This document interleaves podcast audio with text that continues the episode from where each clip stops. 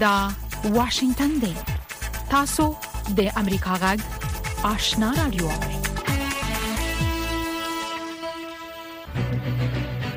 قدرمن اوریدونکو السلام علیکم زه شافیا سردار یم دا د امریکا جغ آشنا را جوړ خبرونه پیښه لومړی به خبرونه واوري السلام علیکم درنو اوریدونکو ستړي مشي زه زیبا خادم یم دا د امریکا غږ آشنا را جوړ خبرونه ده د نړۍ د دې ساعت خبرونو ته ساسې پام را اړوم په ملګرو ملتونو کې د افغانستان د ماموریت سرپرست نصیر احمد فایق ویلي دي ټاکل شوې ده چې نن د جمعې په ورځ د سپټمبر په 22مه چې د سنبلې یو دیرشمه کیږي د ملګرو ملتونو د ټولنې د اتاویاومې عمومي اسمبلې د غونډې ترڅنګ د افغان مېرمنو او جنکو په وضعیت خبرې وشي دا غونډه د جنسیتي تبعیض ضد مبارزې تر عنوان لاندې جوړیږي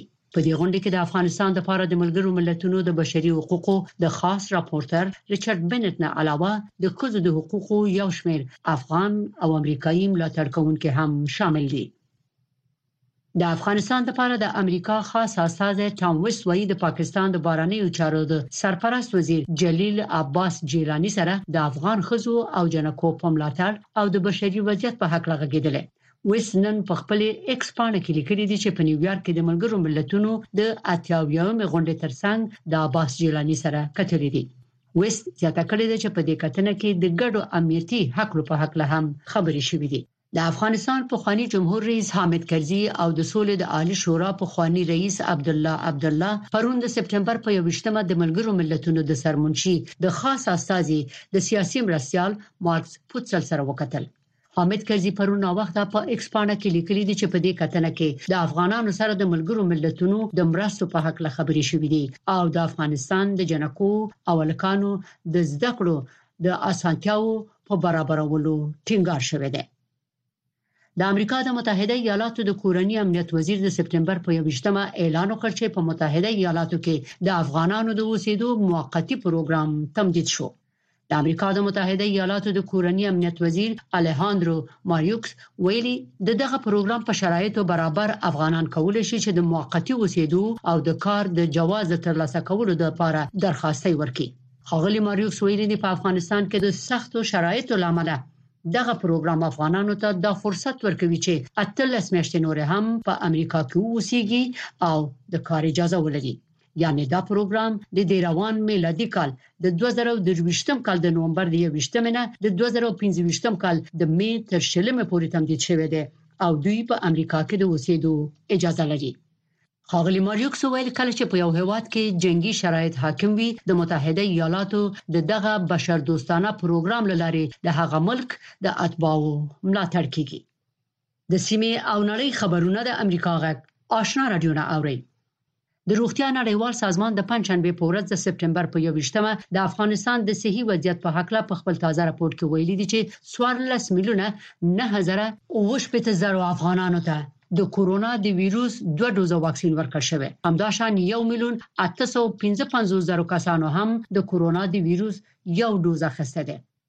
په دې راپور کې راغلي دي چې د دې نه علاوه 3 لکه لس زره کسانو ته د کورونا د وایروس تقویتي ډوز ورکړ شوې ده په افغانستان کې د 2021م کال د اپریل په میاشت کې د پخوانی جمهوریت رژیم په وخت کې د کورونا د وایروس کمپاین پیل شوه او تر اوسه پورې ادامه لري مونږ د امریکا غږ آشنا رادیو نه غږیږو د اوکراین جمهور رئیس ولادیمیر زیلنسکي نن د کاناډا په پارلمان کې وینا کوي زیلنسکي غواړي چې د روسیې په ضد جګړه کې د لویدیځو هیوادونو ملاتړ ترلاسه کړي د اوکراین جمهور رئیس په واشنگټن کې د امریکا له جمهور رئیس او نورو قانون جوړونکو سره د کتنې نو وروسته د کاناډا پایتخت ته تللی د کاناډا صدراعظم جسټن ترودو د اوتاوا په هوایي ډګر کې د خاغلی زيلنسکي ستړي مشي ته ورغلی وو توقع ده چې ترودو به هم نن پارلمان ته وینا وکړي د 2022م کال د فبرवरी په میاشت کې په اوکرين د روسي د يرغل راهیسې دا کاناډا ته د جمهور رئیس زيلنسکي لمړنی سفر دی د سیمې او نړۍ خبرونه د امریکا غږ آشنا رادیو نه اوري د ژورنالستانو د خوندیتوب کمیټې د چک په جمهوریت غږ کړی دی چې د خپلواکۍ تحقیقاتي خبري ویب پاڼې آی سټوریز خبريالانو ته د خطرونو په حق تحقیقات وکړي او د خبريالانو امنیت تضمین کړي د روان کال د مارچ او سپټمبر د میاشتو ترمنځ آی سټوریز د خطر څلور پیغامونه ترلاسه کړي وو په اوکراین د روسیې د یرغل نه وروسته د آی سټوریز د دوه خبریالانو په شمول زیاتره کارکونکي د چک په جمهوریت کې دېره دي او د چین دولتي مطبوعاتو خبر ورکړی دی چې جمهور رئیس شي جی پینګ د سوریې د جمهور رئیس بشار الاسد سره کتلي دي جمهور رئیس بشار الاسد پرون په رسمي سفر چین ته رسیدلی دی د فرانس پریس خبري اژانس د راپورټ له قراره د سوریې جمهور رئیس هڅه کوي چې په دې سفر کې د خپل وران ویجاړ هېواد د بیارغونې په برخه کې د چین نه ملاتړ ترلاسه کړي. بشارالاسد به سبا د هانګژو په ښار کې د اسیايي سیالیو د نولسمې دورې د پرانیستلو په مراسمو کې هم ګډون وکړي. زیبا خادم، امریکا غږ، واشنګټن.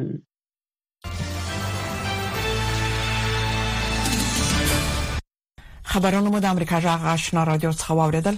درنوریدونکو زموږ په دې سهارنۍ پښتو خبرونه کې د افغانستان سیمه او نړۍ د اوسنوي حالات په اړه کې مهم مطالب لرو هله د خبرونه تر پای واوري لومړی به دا راپورټ واوري چې پاکستاني ډیپلوماټیکي سرچینې وایي چې د طالبانو حکومت د تحریک طالبان پاکستان د ډلې لخوا د افغانستان له خاورې په پاکستان کې پر امنیتي ځواکونو د بریدونو د مخنیوي په برخه کې د آصف دراني په مشرۍ یو هیئت ته د پخو او اساسي ګامونو اوچتولو ډاډ ورکړی دی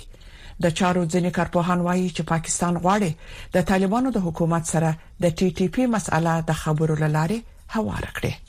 نور تفصيل زموږ د خبريال اکرام شنواري په رپورت کې واوري پاکستاني ډیپلوماټیکي سرچینې وایي چې د طالبان حکومت د بهرنی چارو وزارت سرپرست مولوی امیر خان متکی په کابل کې افغانستان لپاره د پاکستان د ځانګړي استاذ یاسیب درانی په مشرۍ د یو پلاوي سره په کتنه کې له افغانستان څخه پاکستان ته د تروریستي ډلو د ورپیښو غواخونو د مخنیوي لپاره د پخو او اساسي ګامونو د پورته کولو ژمنه کړې ده پاکستاني ديپلوماتيکي سرچينې د جمعې په ورځ امريکا غږ ته وويل چې پاکستاني لوري ته دا ډاډ د مولوي امير خان متقي سره په کابل کې د آصف دراني په مشرۍ د پاکستاني پلاوي د پنجشنبې د ورځې په کتنه کې ورکړل شوی دی د آصف دراني په مشرۍ یو لوړپوړی پاکستاني پلاوی چې امنیتي ادارو چارواکي هم پکې شامل دي د طالبانو د حکومت د چارواکو سره د امنیتي مسلو په ګډون په یو لړ مسلو د خبرو لپاره د پنجشنبې په ورځ کابل ته تللی دی کابل ته دغه پلاوي سفر په دې وروستیو اونیو کې په پاکستان کې د دغه هېواد په امنیتي ځواکونو باندې پر روسي بریدونو له زیاتېدو وروسته شوی دی. د تحریک طالبان پاکستان، ټي ټي پي، ډلې یو شمېر زیاتو تروریستي بریدونو مسوولیت په غاړه اخیستی.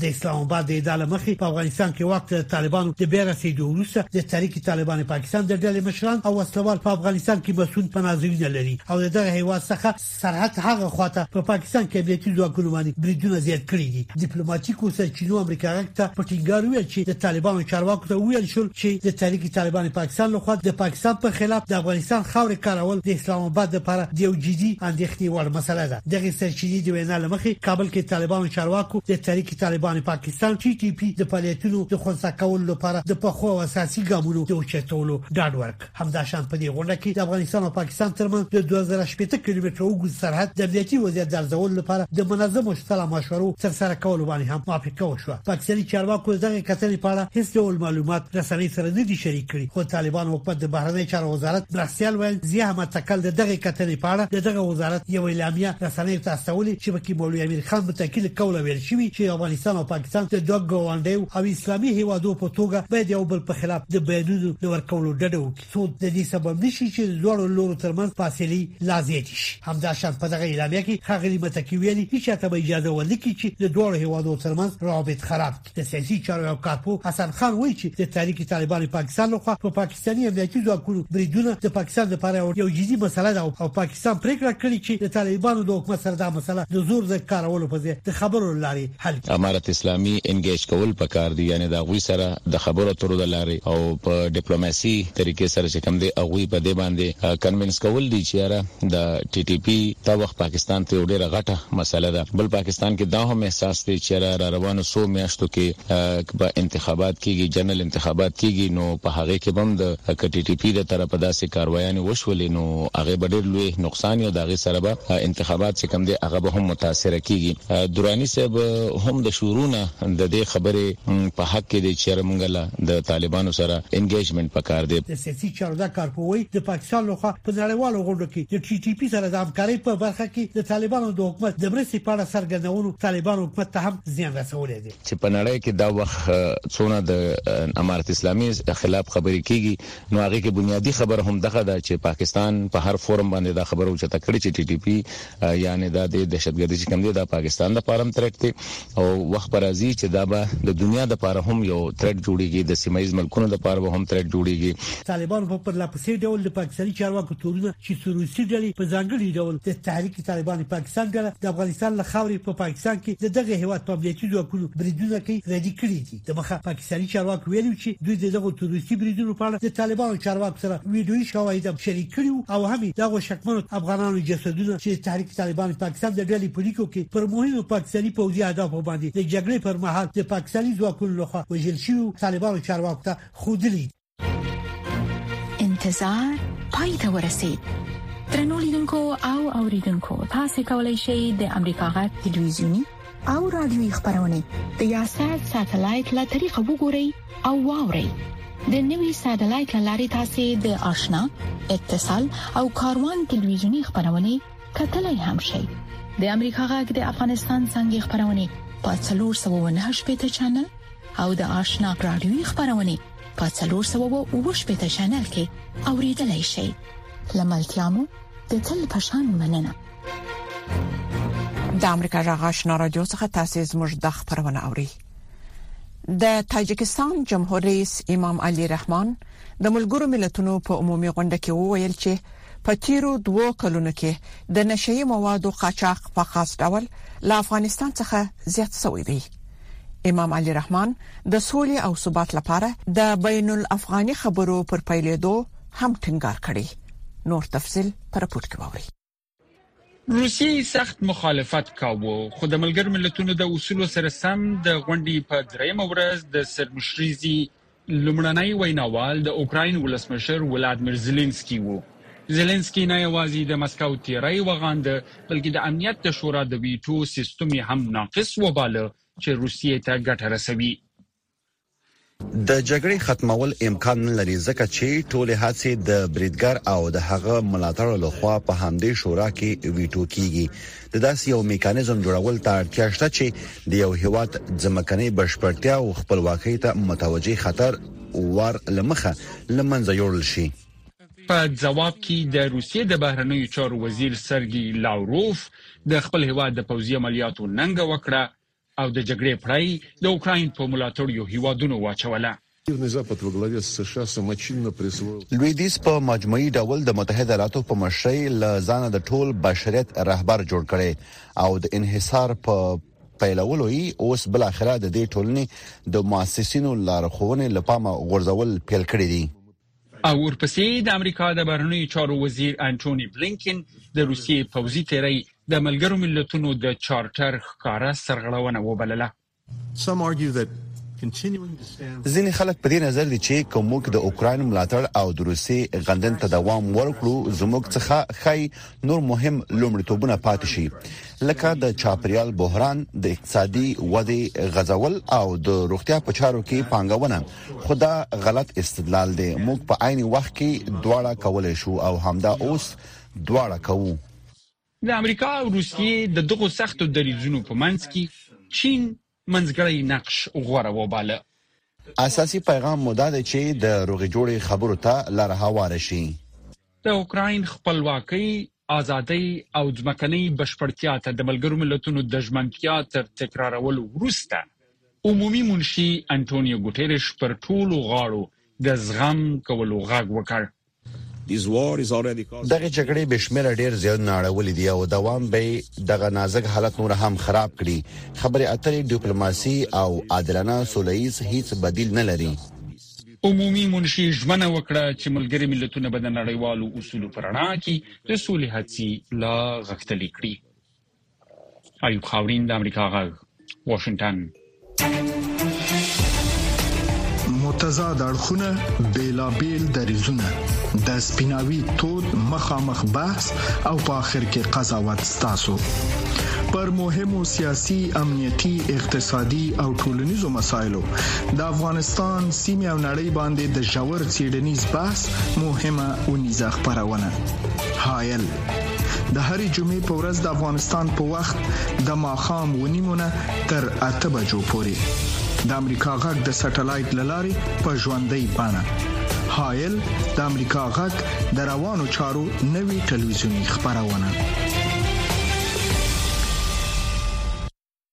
درنوریدونکو د افغانستان لپاره د امریکا شازدافیره کیرن بیګر وایي په افغانستان کې د نشئی موادو په وړاندې د مبارزې په مقصد د طالب استادو سره لیدلې د لیدنه په قطر کې شوه د بلخوا د افغانستان لپاره د امریکا ځانګړي استاد ټام ویست په بشري چارو کې د ملګرو ملتونو د همغږي کوونکو مارټین ګریفټس سره د افغانستان پر بشري وضعیت خبرې کړې دي د دواړو مهمو لیدونو تفصیل د سمیع الله جلال څخه واوري د افغانستان لپاره د متحده ایالاتونو د سفارت شارزافیر کرن ډکر وای په دوه کې د طالبانو د حکومت له یو تخنیکی پلاوی سره په افغانستان کې د نشي توکو سره د مبارزې په برخه کې په ګډو اندېښنو او د افغانانو د ملاتړ په لارو چارو بحث کړی دی میرمن ډکر زیاته کړې په دې لیدنه کې د نشي توکو په لمنځه وړلو، منع کېدو، د معتادینو درملنې او بدیل معیشت په اړوندو مسایلو او په دې برخه کې د ښځو پر ونډې خبرې کړې دي. موږ د ملګرو ملتونو او نورو شریکانو سره افغانانو ته ملاتړ د برابرولو او د ناقانونه نشه یي توکو د لعنت د لمنځه وړلو په برخه کې کار ته سترګې په لار یو، ترڅو نشي توکي په یو ځل او د ټولو لپاره د منځه لاړ شي که څه هم میرمن دکر نه دی ویلي چې په دې ملاقات کې له کومو طالب چارواکو سره کتلي خو زیاته کړې ده چې افغانان او نړۍ د اوږدې مودې راهیسې د نشي توکو له ناورین سره مخ دي د امریکا ترمنځ په ځینې برخو کې چې امارت اسلامي په کې بریالی ده، لکه د مواد مخدرو په وړاندې د دوی مبارزه، د داعش په وړاندې د دوی مبارزه، د تروریزم په وړاندې د دوی مبارزه، په ضمن کې په اقتصادي برخه کې د امارت اسلامي کومه مبارزه چې ده، چې تورم یې درې فیصدو ته را رسولی ده. یعنې نړیوالو کوم موسسو چې راپورونه ورکړي مثبت دي، نو اوس امریکا غواړي له امارت اسلامي سره ناستې تر سره کی او امریکا ته قناعت حاصل شوی دی بلخو د افغانستان لپاره د متحده ایالاتونو ځانګړي استازي ټام ویس هم په بشري چارو کې د ملګرو ملتونو له همغږي کونکي مارټین ګریفټ سره لیدلې دي ویست په خپل ایکس پاڼه د بشري مرستو د مهیا کېدو له امله د خپل شریکانو مننه کړې او ویلي دي چې امریکا د افغانانو د حیاتي اړتیاو د پوره کېدو تر ټولو ستر مرسته کوونکی هواد دی دغه ملاقاتونه په داسې حال کې کیږي چې د اسیا پراختیايي بانک د چهارشنبه په ورځ په اعلامیه کې ویلي چې د اړمنو افغانانو په ځانګړي ډول میرمنو د ملاتړ بدیل معیشت د چمتو کولو او په افغانستان کې د بشري کړکېچ د اغیزو د کمولو په هدف له دغه هیواد سره د څلور سوه میلیونو ډالرو مرسته تصویب کړې. افغانستان د اقلیم د بدلون، سختې وچکالۍ، سېلابونو او زلزلو څخه د زېږېدلي یو بېساري بشري ناورین سره مخ دی. د اټکل له مخې د دغه هېواد د نفوس اتیا سلنه د لوږې د کرښې لاندې ژوند کوي. ښځې او ماشومان په ډېر غیر متناسب ډول اغېزمن شوي. د اسیا پراختیايي بانک د اعلامیې له مخې د دغو پیسو سل میلیونه ډالر به یو اعشاریه دوه دېرش میلیونو کسانو ته د خوړو د برابرولو په هدف په افغانستان کې د خوړو نړیوال پروګرام ته ورکړل شي د امریکایي چارواکو په وینا اوس مهال د افغانستان کابو نهه ویشت میلیونه وګړي د ژوندي پاتې کېدو لپاره خوراکي توکو ته اړتیا لري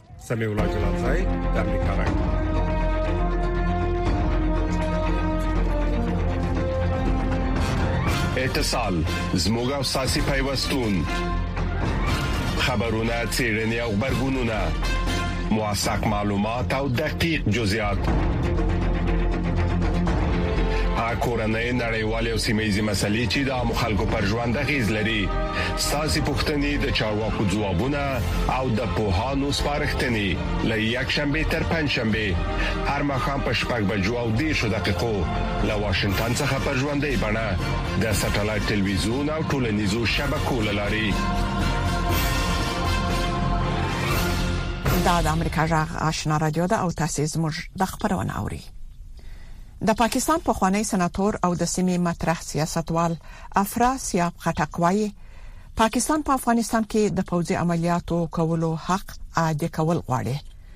افراسیاب خټک په دې باور دی چې پاکستان افغانستان تر خپل لاس لاندې سیمه ګڼي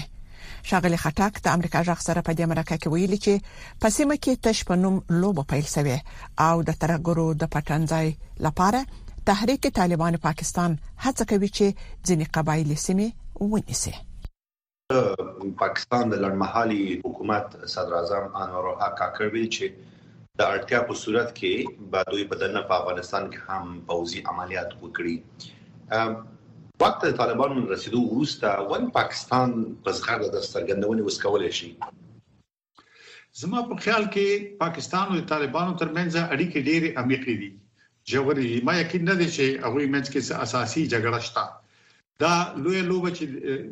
د سیمه کې بیا شروع کیږي هغه کې طالبان خپل نقش دی د پاکستان جنرالان خپل نقش دی ادوړو ته معلومه ده چې هغه خپل خپل نقش لوبي منتها دا خبره بظاهر زکه کوي چې دې کې دوه خبرې یو خدا دی چې دې سره په افغانستان کې دا خبره ازباديږي چې ګویا طالبان مستقل خلک دي پاکستان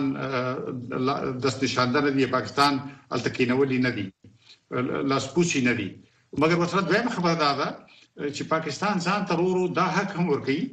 چې هغه افغانستان کې دننه عملیات وکړي ځکه چې افغانستان هغه د خپل لاس لاندې سیمه تحت الحمایه سیمه ګڼي تاسو که خیالي تیر کال هم دا په خوست کې هغه بمباردمان وکړو کونړ کې څو ځله بهر نه په توپو گزارونه کړی دي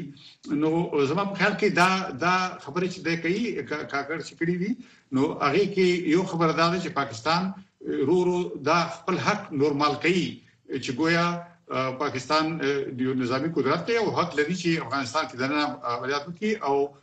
که مشکل پیښیږي نو هغه د حق نه استفاده کوي تاسو هم ورته اشاره وکړه خو د مخکې هم ګومان کېده چې طالبان او پاکستان نږدې اړیکې پالي یا پاللې دي او په تیر دوه کلونو کې د پاکستان او طالبان اړیکو ته تاسو کوم څه ګورئ عرض مو دا دی چې دې دوه کلونو کې چې کوم خرابې دی هغه مثلا ټي ټي پي دا او دتن خو ټي ټي پي خو د پاکستان ته معلومه و چې دا طالبان دي دا ټي ټي پي د د پاکستان نوم ورکول دا خو استخباراتي لوبه و مطلب پاکستان کې مشته دي او په افغانستان کې دي طالبانو پروژه چې پاکستاني جنرالانه چلون کې دي او غرب یې حمایت کوي نو دا پروژه چې وه دا خو دوی ته معلومات وو او دا ټي ټي پي چې جوړېده دا به استخباراتي لوبه وه د دې لپاره جوړه کړې وه چې چون هغه وخت افغان طالبانو ضرورت درلود چې هغه پاکستان کې راشي ځکه چې کله قواوی زیاتې دي د ناتو د امریکا قواوی زیاتې دي لوړې کچې تل تلې نو بیا افغان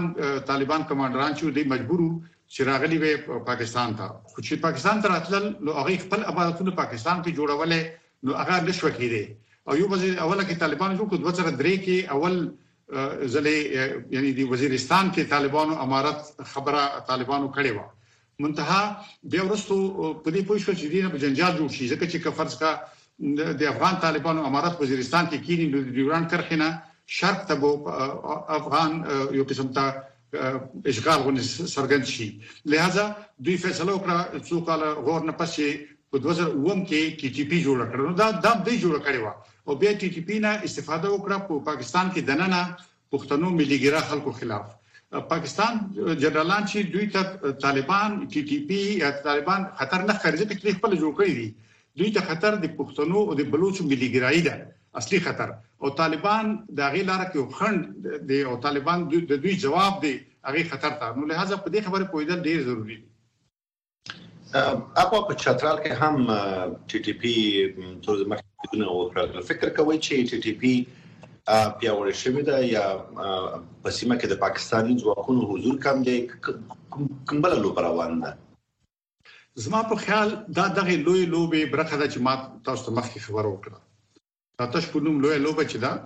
په هغه کې دا مهمه ده تاسو که خیال وي په دې پاکستان فوج سره چې مذاکرات کوي ټي ټي پی نو په هغه کې دا خبره کړې و چې دا چې کومه پخوانی قبایلی سیمې دي چې په پښتونخوا صوبه کې شامل شوې دي چې دا د بیرته په اداري توګه باندې جلا کړې شي نو داسې ښکاري چې پاکستاني جنرالان هم د دې خلاف نه دي خو په ظاهره د یو بل ته مخالف دي منتها ځکه چې دوی غواړي چې دلته به یو پټ ځای د شي جوړ کی چې هغه کې افغانستان کې او مرکزی اسیا کې او د سیمه کې چې کم ترګری نوی لوبي دي هغه ته یو پټ ځای پکار دی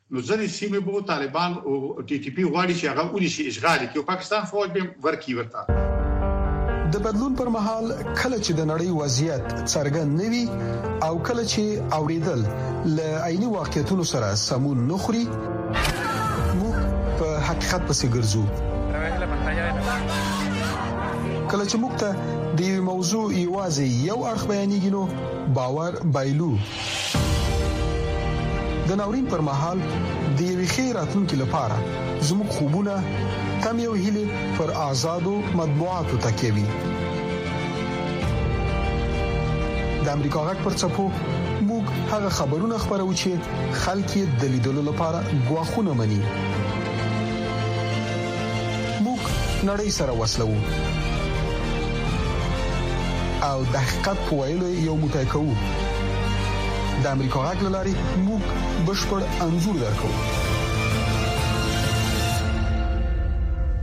قدرمن اوریدونکو ترکیه اروپا ته پر لار د وجل سو کډوالو لپاره هدیره جوړې کړې دي د ترکیه حکومت د دغه هیواد دوان په شار کې په سلګونو وجل سو کډوالو ته دوه هدیره جوړې کړې نور حال پر پورت کوي دا د هغو مسافرو قبرونه دي چې د مرګ له ویرې او یا د ښه ژوند په لټه کې اروپايي هیوادونو ته په لاره وو خو قسمت ورسره یاري ونه کړه او اوس یې آن شناختې بې نومه دي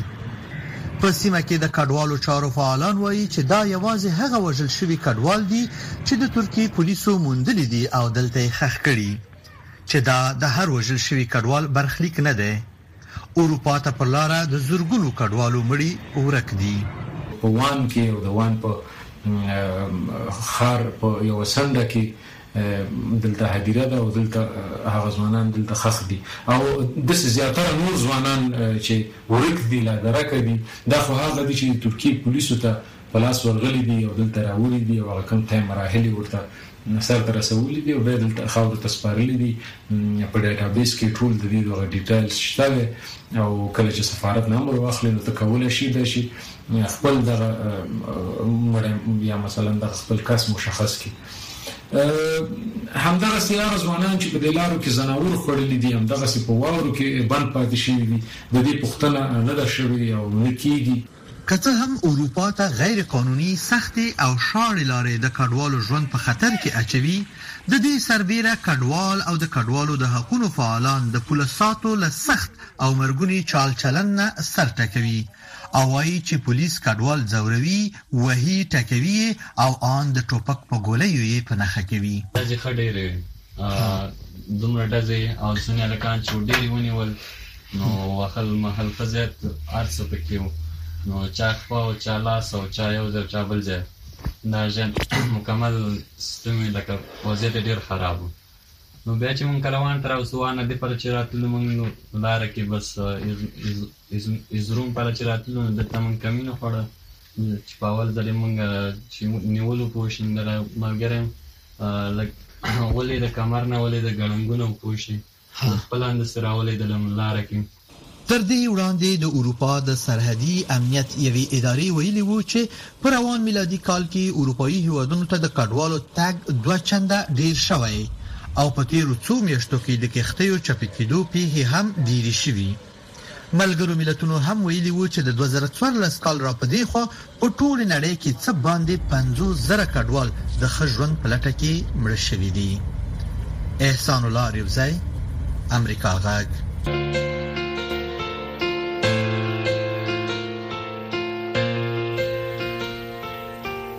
اوریدونکو زموږ د خبرونه په همدې ځای پای ته ورسیده